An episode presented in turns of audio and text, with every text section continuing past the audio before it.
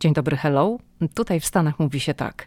Ameryka to kraj nieograniczonych możliwości. Mówi się, jak ci się uda tutaj, to uda ci się gdziekolwiek. I mówiąc szczerze, ostatnio nawet usłyszałam to zdanie z ust pewnego Brazylijczyka. Ten Brazylijczyk jest współwłaścicielem restauracji pod Nowym Jorkiem, w której Paweł i ja byliśmy. No i tak rozmawialiśmy sobie o różnych rzeczach, o, również o Stanach, bo oboje pochodzimy z innych krajów, nie urodziliśmy się w Stanach. No i zawsze tego typu spotkania generują takie no, różne przemyślenia. I on właśnie również powiedział to zdanie. Jemu bardzo tak no, fajnie się to wszystko na razie układa. Ma te restauracje i między innymi o tym jego biznesie rozmawialiśmy. Ameryka, dlaczego o tym mówię? Dlatego o tym mówię, że Ameryka to kraj biznesów wszelakich i dziś opowiem Wam o biznesach, które wzięły się często z niecodziennej pasji, ale to są biznesy nieoczywiste. I zapraszam Was na odcinek, w którym opowiem o najdziwniejszych muzeach w Stanach Zjednoczonych. I już widzę oczyma wyobraźni miny niektórych z Was takie miny, że co o muzeach nam tutaj będzie gadać. No ja wiem, że muzea to bardzo często kojarzą się z czymś, co jest nudne. Ale no muszę powiedzieć, że w Stanach muzea nigdy nie są nudne. One są e, zazwyczaj bardzo nowoczesne, robione z rozmachem, teraz oczywiście też z wykorzystaniem technologii, ale jest też bardzo dużo dziwnych muzeów, które poświęcone są, no takiej powiedziałabym, zaskakującej tematyce i dziś o kilkunastu tego typu muzeach chcę Wam powiedzieć i od razu chcę zaznaczyć, że podchodzę do tematu ciekawostkowo, rozrywkowo, żeby nie było nudno.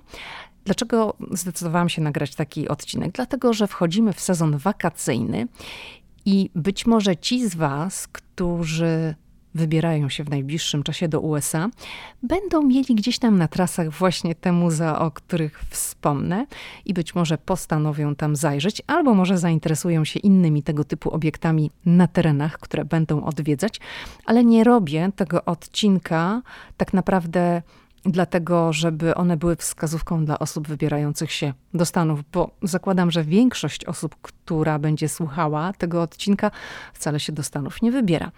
Robię to dlatego, żeby pokazać, że w Stanach, tutaj w Ameryce, realizowane są czasem naprawdę dziwaczne, zaskakujące pomysły. I o tych pomysłach w kontekście muzeów dzisiaj opowiem. Zanim zaczniemy, chcę jeszcze tylko dać znać, iż sprzedaż naszego audiobooka Ameryka i my, czyli to jest książka, którą napisaliśmy, książka w wersji audio, czytamy Paweł i ja, ruszy jeszcze w tym miesiącu. Audiobook będzie dostępny wyłącznie na naszej stronie www.amerykaimy.pl ale jak już ruszy, to będę mówiła. Chciałam tylko powiedzieć, dać znać, że to jest ciągle jeszcze w procesie. Przygotowujemy się do tego. Audiobook jest już ukończony, już jest wypieszczony, plik jest gotowy, ale jeszcze kilka takich technicznych kwestii zostało. Ok, to zaczynamy.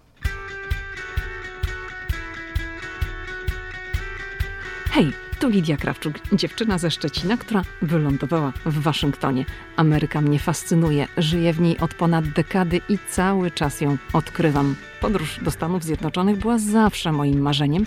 Nie sądziłam jednak, że w Ameryce kiedyś zamieszkam.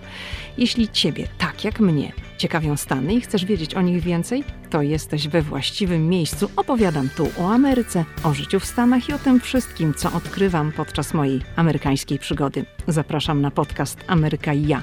Zaczynamy.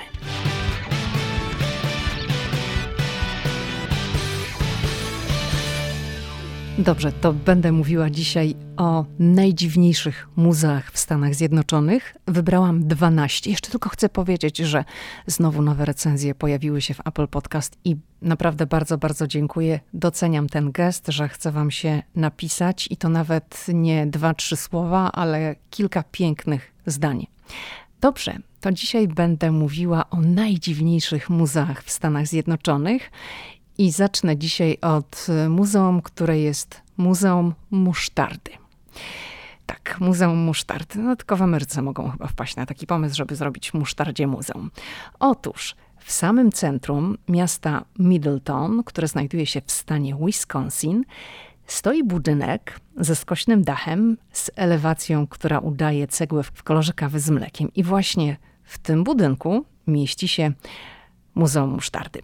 To muzeum zostało założone przez Barrego Levensona, który, uwaga, Barry Levenson rzucił posadę zastępcy prokuratora generalnego w Wisconsin właśnie dla musztardy.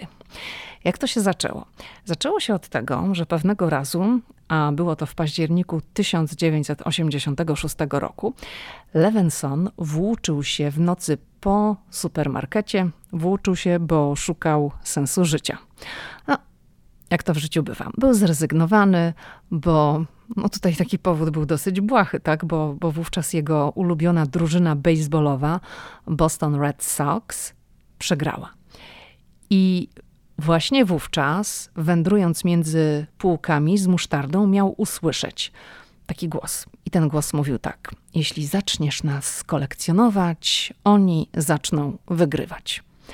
No i od razu tutaj muszę powiedzieć, że jak czytałam o tej historii, no to wiadomo, to, to od razu przychodzą mi przynajmniej na myśl takie skojarzenia, czy to nie jest potem ta cała historia dorobiona, żeby było jakieś story, jak to mówią w Ameryce, że w Ameryce lubią, żeby za wszystkim, za jakimś tam biznesem, za pomysłem, żeby kryła się jakaś historia. I nie wiem, czy rzeczywiście tak musztarda przemówiła do pana Barrego, czy, czy potem wpadł na pomysł, żeby coś takiego dorobić. W każdym razie, Barry miał pójść za głosem.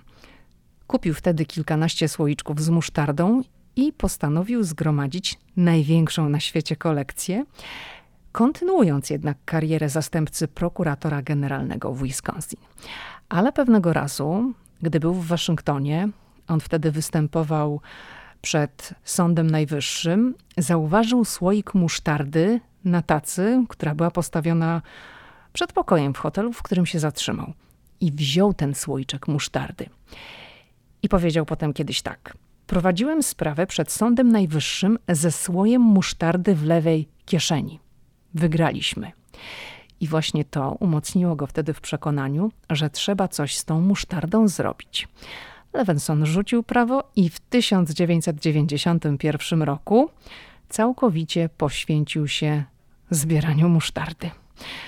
No i dziś jego Międzynarodowe Muzeum Musztardy, oczywiście tutaj dodał na początku, że to jest Międzynarodowe Muzeum Musztardy, to jest kolekcja ponad 6 tysięcy słoiczków ze wszystkich 50 amerykańskich stanów oraz z ponad 70 krajów z polską musztardą włącznie. A jakże? Ten pomysł chwycił i chwycił bardzo. Barry gościł w programach Oprah Winfrey, jak również w wielu innych amerykańskich programach rozrywkowych, w programach radiowych i, i gazetach. Jeżeli chodzi o wstęp do Muzeum Musztardy, to ten wstęp jest bezpłatny, ale goście są zachęcani, by, by wrzucić dowolny datek do skrzynki z darowiznami jak również oczywiście, żeby zrobić zakupy w sklepie z pamiątkami, gdzie głównie sprzedawana jest oczywiście musztarda.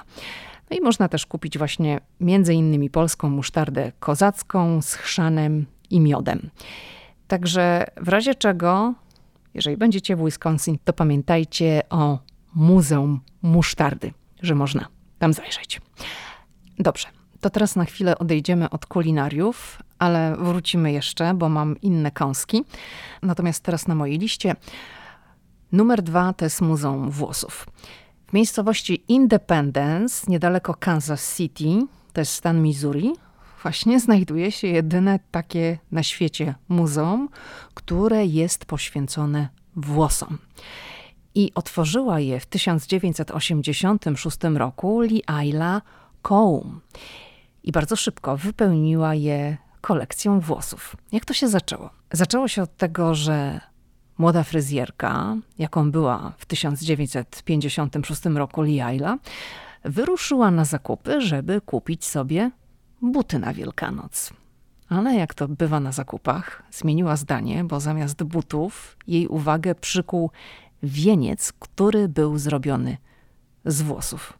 I on jej się tak bardzo spodobał, że natychmiast go kupiła i, i ten wieniec tak na marginesie pochodził z Austrii. I tak się to właśnie zaczęło.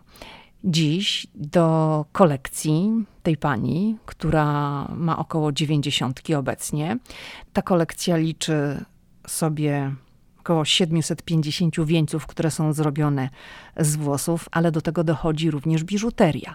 Ponad 2000 sztuk i ta biżuteria jest również zrobiona z włosów i to jest naprawdę bardzo przedziwne miejsce. To, to samo muzeum, to ono nie jest duże, to są trzy pomieszczenia, w których znajdują się również między innymi wspomniany na początku wieniec, od którego wszystko się zaczęło, wieniec z włosów. Są też loki Elvisa Presleya, które na przykład ścięto mu, kiedy udawał się do wojska.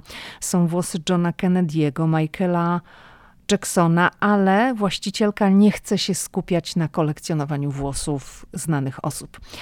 No i mamy w tym muzeum również przykłady sztuki fryzjerskiej, nawet z XVII wieku. Wszystko jest oprawione w ramy, no i wiele eksponatów ma ponad 100 lat. Ta założycielka jest w tej chwili emerytowaną nauczycielką kosmetologii i ma własną szkołę, która nazywa się Independence College of Cosmetology. Wstęp do tego muzeum jest płatny. Także nie tak jak w przypadku musztardy za darmo, tutaj trzeba zapłacić. Dobrze. Kolejne, trzecie muzeum na mojej liście to jedno no, z najdziwniejszych muzeów. To jest y, muzeum dla ludzi o dość mocnych nerwach, gotowych do mierzenia się z mało komfortowym tematem, tematem, który wywołuje niepokój. I jest to Muzeum Śmierci. Muzeum Śmierci ma w Stanach Zjednoczonych dwie lokalizacje, w Nowym Orlanie i w Hollywood. No i trzeba tutaj powiedzieć uczciwie, że to nie jest miejsce dla wszystkich. Niektórzy mdleją i, i samo muzeum podkreśla, by do zwiedzania tego obiektu, tej placówki się przygotować. Nie poleca się również, żeby zabierać ze sobą dzieci. Celem tej no, dosyć osobliwej placówki no, nie, nie jest straszenie odwiedzających, tak przynajmniej mówią ci, którzy wpadli na pomysł zorganizowania takiego muzeum. To jest bardziej cel edukacyjny, taki, który ma prezentować gościom różne aspekty związane ze śmiercią, z pogrzebami i życiem pozagrobowym. W tym muzeum prezentowana jest szeroka gama eksponatów związanych z tematyką śmierci. Jest sekcja z trumnami dla dzieci, jest sekcja prezentująca listy seryjnych morderców.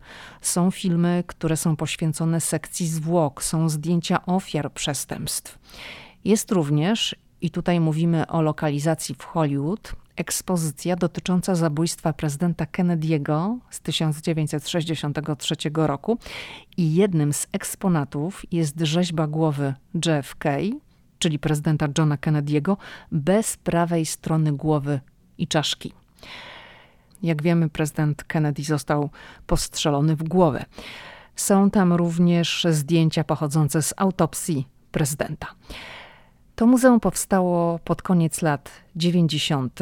i to się zaczęło od nietypowego hobby dwojga założycieli, J.D. Haleya i Katrin Schulz, którzy pisali do seryjnych morderców z prośbą o udostępnienie ich prac artystycznych.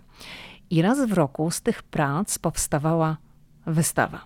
Po latach wystaw i zbierania materiałów pomysłodawcy postanowili założyć muzeum. I tak to się zaczęło. Wstęp do tego muzeum jest płatny.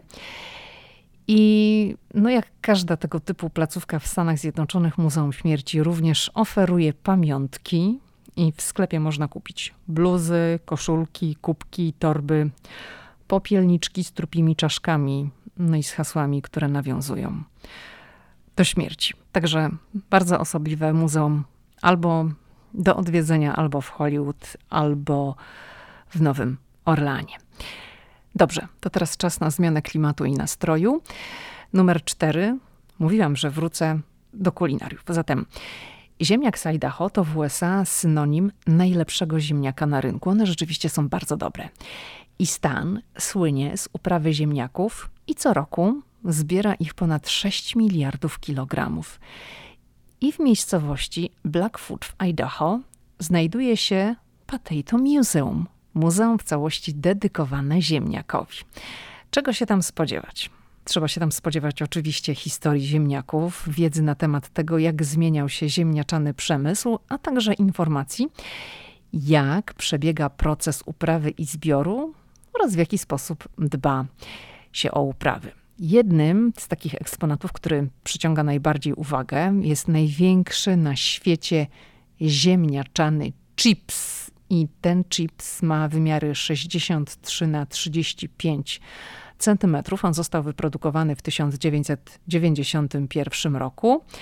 I ta ziemniaczana przekąska znajduje się w specjalnej gablocie, posiada certyfikat rekordu Guinnessa i jest odpowiednikiem 80 zwykłych chipsów ziemniaczanych. Ten wielki chips ma 920 kalorii. I odwiedzających Muzeum Ziemniaka w Idaho wita wielka rzeźba pieczonego ziemniaka z kwaśną śmietaną i masłem na wierzchu. I można sobie oczywiście tam zdjęcie zrobić i wszyscy robią. Mm, budynek, w którym mieści się muzeum, było początkowo siedzibą zajezdni kolejowej. I wśród lokalnych mieszkańców działających w branży ziemniaczanej panowało takie przekonanie, że należy znaleźć miejsce, w którym no, można by prezentować pamiątki związane z uprawą ziemniaków w Idaho i, i edukować na ten temat. I kiedy budynek zajezdni został przekazany miastu, ustalono, że właśnie powstanie w nim Muzeum Ziemniaka. To muzeum otwarto w 1989 roku, ale oczywiście nie brakowało głosów, które by podważały ideę, bo, bo niektórzy pytali, no ale dlaczego turyści mieliby w ogóle przyjeżdżać do Idaho, do Muzeum Ziemniaka? Okazało się jednak, że w pierwszym roku działalności muzeum odwiedziło 5 tysięcy gości, a obecnie odwiedza kilkadziesiąt tysięcy osób. Wstęp do tego muzeum jest płatny. Dobrze, to numer 5. Teraz będzie naprawdę coś dziwnego, bo będę mówiła o Muzeum Drutu Kolczastego. Tak, tak, Muzeum Drutu Kolczastego. W McLean w stanie Teksas znajduje się prawdopodobnie największa kolekcja materiałów, które dokumentują historię drutu ogrodzeniowego, drutu, który no, zmienił świat. I mieszcząca się w dawnej fabryce, uwaga, w dawnej fabryce biustonoszy, diabelskie Muzeum Liny, czyli Devil's Rope Museum, to kolekcja drutu kolczastego, materiałów dotyczących ponad 450 patentów na drut kolczasty, a także przedmiotów związanych z teksańskim odcinkiem drogi numer 66. I eksponaty obejmują próbki dokumentów historycznych i zdjęć, rzeźby z drutu kolczastego oraz ponad 2000 próbek odmian drutu znalezionych przez kolekcjonerów. Tu mam taką ciekawostkę. W latach 1853-1867 wydano kilka patentów na drut ogrodzeniowy, ale tylko jeden miał wystające kolce. I pierwszy drut kolczasty pochodzi od Michaela Kelly'ego z Nowego Jorku i to był 1868 rok. Jego projekt umożliwiał produkcję fabryczną. Ale drut kolczasty, jaki znamy dzisiaj, pochodzi od Josepha Glidena, ze stanu Illinois i to był rok 1874. On wprowadzał wiele modyfikacji, aż wymyślił projekt, który przetrzymał lata sporów sądowych, dzięki czemu uzyskał tytuł ojca drutu kolczastego. Dlaczego? Drut Glidena był inny niż pozostałe. Składał się z jednego drutu trzymającego równomiernie rozmieszczone kolce na całej jego długości. Drugi drut bez kolców został owinięty wokół pierwszego drutu, podwajając w ten sposób jego wytrzymałość i trwałość.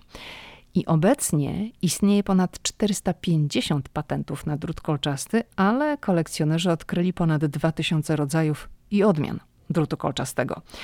No i w muzeum oczywiście są również dokumenty historyczne, zdjęcia, narzędzia druciane, reklamy, katalogi modele patentowe, próbki i, i pamiątki. I ten drut kolczasty, co pokazuje muzeum, pozwolił Amerykanom zacząć wyznaczać granice, dając im poczucie, iż ziemia należy do nich. Pamiętajcie, jeżeli będziecie gdzieś na trasie i temat Was interesuje, to jest McLean w stanie Teksas. Ok, numer 6. Muzeum UFO. W 1947 roku, w pierwszym tygodniu lipca, na ranczu niedaleko miasteczka Roswell w stanie Nowy Meksyk, w którym żyje dziś no niespełna 50 tysięcy osób, rozbił się niezidentyfikowany obiekt. I pewien rolnik, McBrazel, odkrył wówczas wiele metalowych fragmentów, które były rozrzucone na wielkim obszarze, a w samej ziemi znajdował się płytki rów o długości kilkudziesięciu metrów. No i właśnie tak zaczęła się historia o niezwykłym obiekcie. Natychmiast pojawiło się mnóstwo spekulacji i twierdzeń, iż była to katastrofa latającego spotka i że rząd Stanów Zjednoczonych tuszuje sprawę. Samo wojsko początkowo wydało komunikat, iż znaleziono szczątki rozbitego latającego dysku, by szybko go skorygować, że to balon meteorologiczny. Samo Międzynarodowe Muzeum UFO w Roswell w stanie Nowy Meksyk powstało w 1992 roku. To jest miejsce, gdzie gromadzi się i przechowuje wszelkie materiały w formie pisemnej, dźwiękowej, wizualnej, które dotyczą tego incydentu, o którym mówiłam, z 1947 roku, ale również z innych niewyjaśnionych zjawisk związanych z badaniami nad UFO. I Biblioteka Muzeum ma w swoich zasobach prawie 55 tysięcy dokumentów. Ekspozycje, filmy, które są wyświetlane, one nie mają tam na celu przekonywania kogokolwiek, by uwierzył, iż UFO istnieje. Goście są raczej zachęcani do tego, by po prostu stawiać pytania. I miasteczko Roswell z UFO żyje. Samo miasto, jak również wiele lokalnych firm, wykorzystuje oczywiście motyw UFO. Są tam umieszczane różne dziwaczne wizerunki kosmitów w witrynach sklepów, w restauracjach, na ulicznych latarniach. Także jeżeli kogoś ten temat interesuje, to pamiętajcie Roswell i Muzeum UFO. Ok, numer 7. Jedni zbierają znaczki, inni monety, jeszcze inni łyżeczki albo breloczki czy długopisy. No, jak wiemy, hobby, które polega na nagromadzeniu tej samej rzeczy, tylko w różnych kolorach, rozmiarach i kształtach, no nie jest niczym nowym. I pewna Amerykanka zgromadziła jednak tak potężną kolekcję, że z tej kolekcji powstało muzeum. Muzeum nietypowe, bo to muzeum z pojemnikami na sól i pieprz. I ta kolekcja liczy ponad 20 tysięcy sztuk solniczek i pieprzniczek. Wszystko zaczęło się ponad 35 lat temu. Oczywiście zaczęło się banalnie. Pani, która nazywa się Andrea Laden, z wykształcenia archeolog, nie miała w domu działającego młynka do pieprzu. No więc kupiła sobie ten młynek, a potem drugi, a potem trzeci, czwarty, do tego solniczkę do kompletu. No i w końcu kupowanie solniczek i pieprzniczek stało się rozrywką. Tak, tak. Taką rozrywką, która przekształciła się w nauk kupowania małych pojemniczków na sól i pieprz, bo wkrótce w domu państwa Laden było ponad 2000 solniczek i pieprzniczek. I pod koniec lat 90. właścicielka tego no, bardzo potężnego zbioru dostała na gwiazdkę od syna aparat fotograficzny. I jak dostała ten aparat, to zaczęła robić zdjęcia każdemu zestawowi i dokładnie go opisywać. I gdy już stworzyła cały katalog, jej mąż powiedział, że ma już tego dosyć. Ale był na tyle wyrozumiały, że no nie, no nie żądał, żeby to wyrzucić gdzieś tam na śmietnik, tylko właśnie ten mąż zaproponował stworzenie muzeum no i właśnie w ten sposób powstało to nietypowe miejsce, miejsce w miejscowości Gatlinburg w stanie Tennessee. I ta kolekcja liczy dzisiaj ponad 12 tysięcy kompletów. I solniczka, i pieprzniczka. W tym muzeum są zgromadzone pojemniki z całego świata, one są wyszukiwane dosłownie wszędzie. Są solniczki i pieprzniczki o zaskakujących kształtach i o zaskakującej tematyce. To są na przykład dwie zakonnice z różowymi policzkami. To są na przykład dwie zakonnice, które mają takie no, śliczne różowe policzki. Są na przykład dwa czerwone byki z Hiszpanii, para pawi z Indii, czy na przykład dwie gondole z Włoch. No są tam też takie różne inne rzeczy, na przykład pojemniki w kształcie toalet z otwieranymi klapkami, takimi jak no, w sedesach. Ale są też tam świnki, niedźwiadki, kotki, pieski, aligatory, no wszystko właściwie, co nam przychodzi na myśl. I te solniczki stoją na półkach w szklanych gablotach, są one poustawiane tematycznie według kolorów. Muzeum jest płatne, ale ten wstęp tam nie jest drogi, chyba 3 dolary w tej chwili kosztuje. Także no, takie muzeum w Stanach Zjednoczonych też na trasie można spotkać. Ok, numer 8. Muzeum Seksu. Muzeum Seksu znajduje się w samym sercu Manhattanu, przy Piątej Alei w Nowym Jorku. I jego misją jest prezentowanie historii, ewolucji i kulturowego znaczenia ludzkiej seksualności. Od 2002 roku zrealizowano w nim ponad 30 wystaw. To muzeum powstało w 2002 roku i jego założyciel, Daniel Glack, otrzymał odpowiedź odmowną od Rady Regentów stanu Nowy Jork w sprawie wniosku o status organizacji non-profit dla muzeum. No po prostu idea Muzeum Seksu została uznana za kpinę z koncepcji muzeów. I z tego powodu, ale też dlatego, że Glack zdecydował się nie przyjmować finansowania od branży pornograficznej, wprowadzono opłatę za wstęp do muzeum kilkanaście dolarów. I w przeciwieństwie do ograniczeń, które nakładane są na miejsce rozrywki dla dorosłych, władze Nowego Jorku zezwoliły, by muzeum było zlokalizowane w odległości 150 metrów od szkoły czy kościoła. I pierwsza wystawa, New York City Sex, jak Nowy Jork odmienił seks w Ameryce, koncentrowała się na rodzinnym mieście muzeum, ale no już późniejsze ekspozycje, one się skupiały na seksualności w innych kulturach i, i w innych okresach.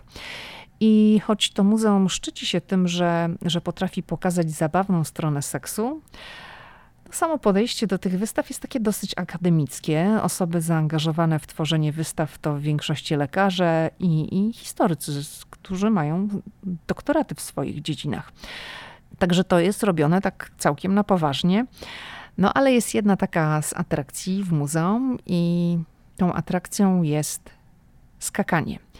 I tak jak dzieci skaczą zazwyczaj w środku dmuchanych zamków, tak w Muzeum Seksu w Nowym Jorku, skaczą dorośli i skacze się po takich dmuchanych poduchach, a te poduchy są w kształcie damskich piersi. Dobrze, to przechodzimy do pozycji numer 9, Spam Museum. Czy ja mam na myśli Muzeum Spamu?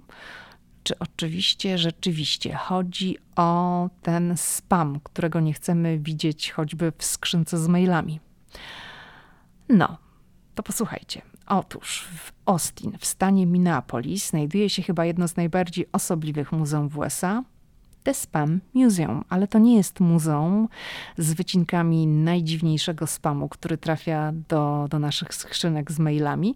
To jest muzeum, w którym pokazywana jest historia jednego z najbardziej wątpliwych produktów spożywczych w USA. Kto w Stanach był, ten pewnie zwrócił uwagę na półkach, że tego jest dużo. Czyli to jest mielonka w puszce marki Spam. Ta mielonka ma rzesze fanów tutaj w Stanach i mimo, że ona jest tłusta, kaloryczna i z dużą zawartością soli, to po prostu niektórzy Amerykanie ją kochają.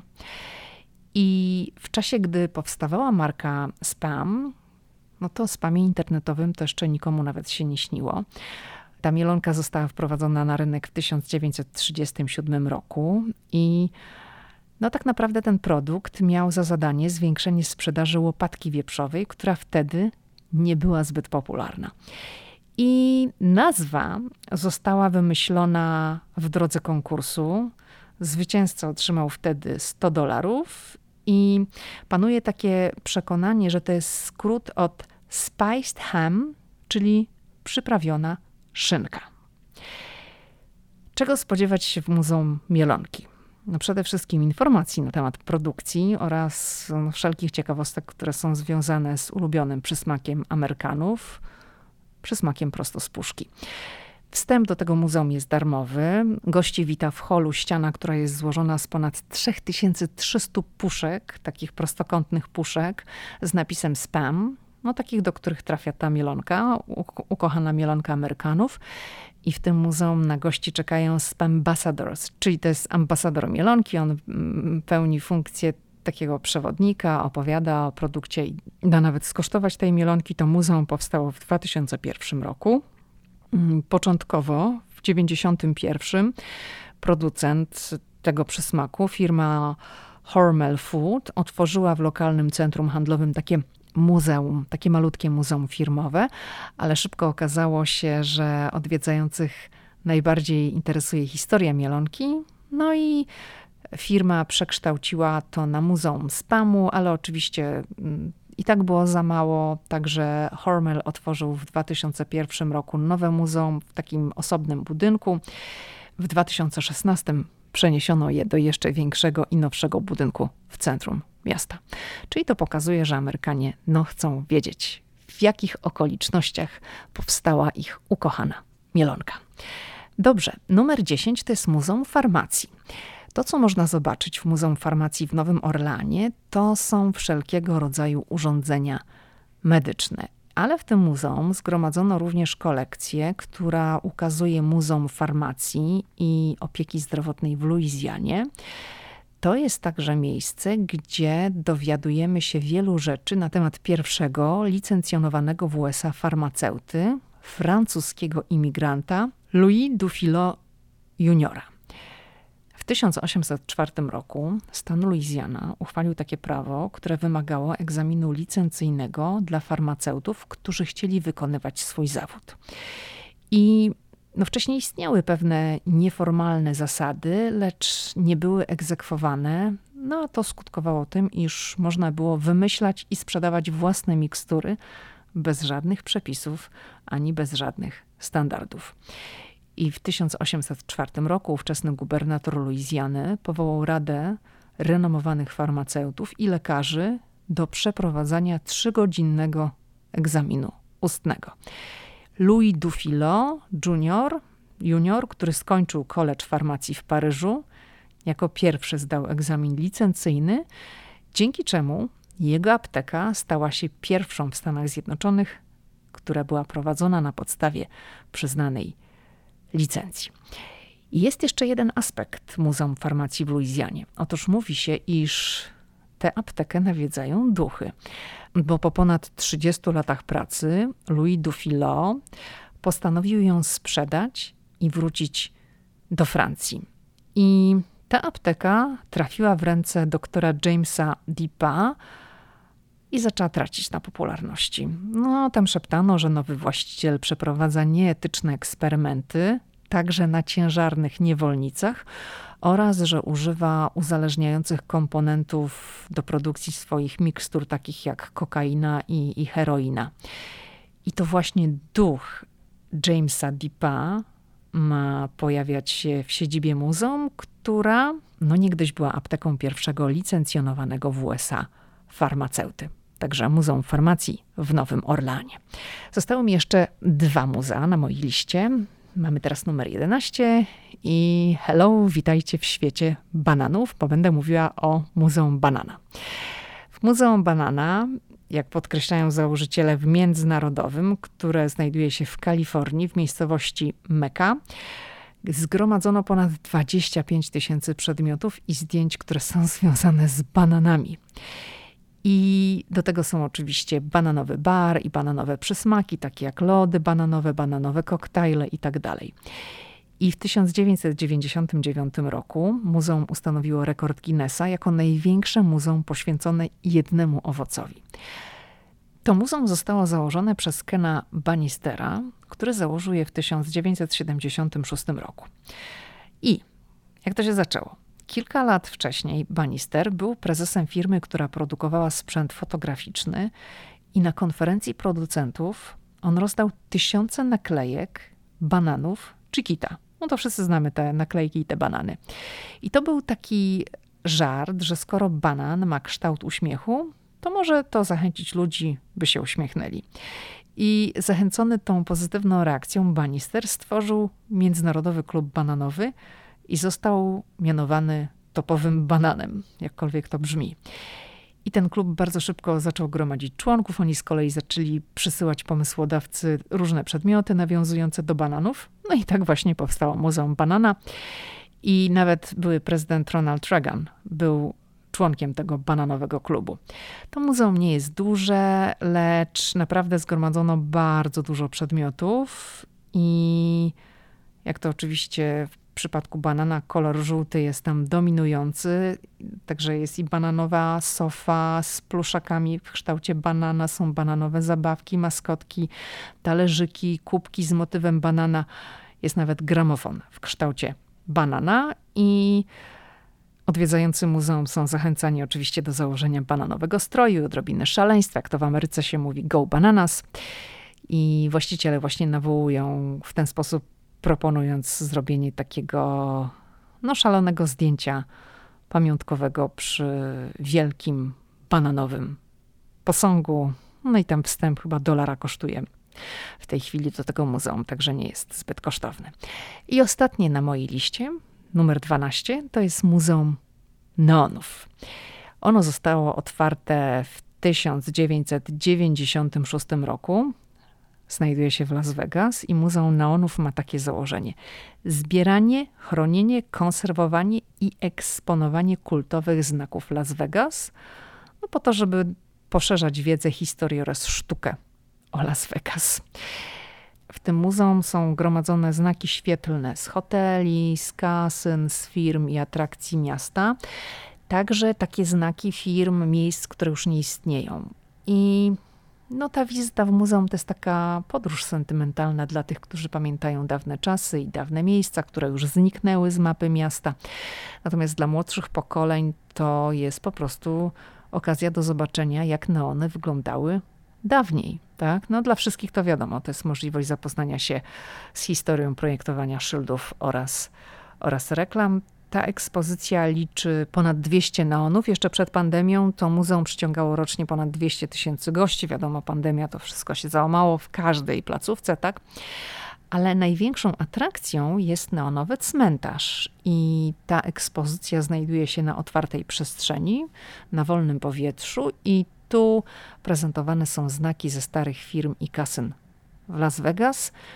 I wstęp do tego muzeum jest płatny, można zwiedzać samodzielnie lub z przewodnikiem. I tu oczywiście zaraz pojawia się pytanie, czy lepiej wybrać się do muzeum za dnia czy wieczorem. No to wszystko zależy, bo poza dnia można zobaczyć więcej starych szyldów, dlatego że nie wszystkie neony w nocy są podświetlone. No ale wiadomo, że nocą efekt jest taki jak w samym Las Vegas, bardziej spektakularny, ponieważ wszystko jest podświetlone. Także najlepszym takim rozwiązaniem jest chyba zarezerwowanie wycieczki przed zachodem słońca, żeby zobaczyć wszystko i za dnia, i w nocy. Dobrze, to jest właśnie ta dwunastka, którą dla Was wybrałam w tym odcinku.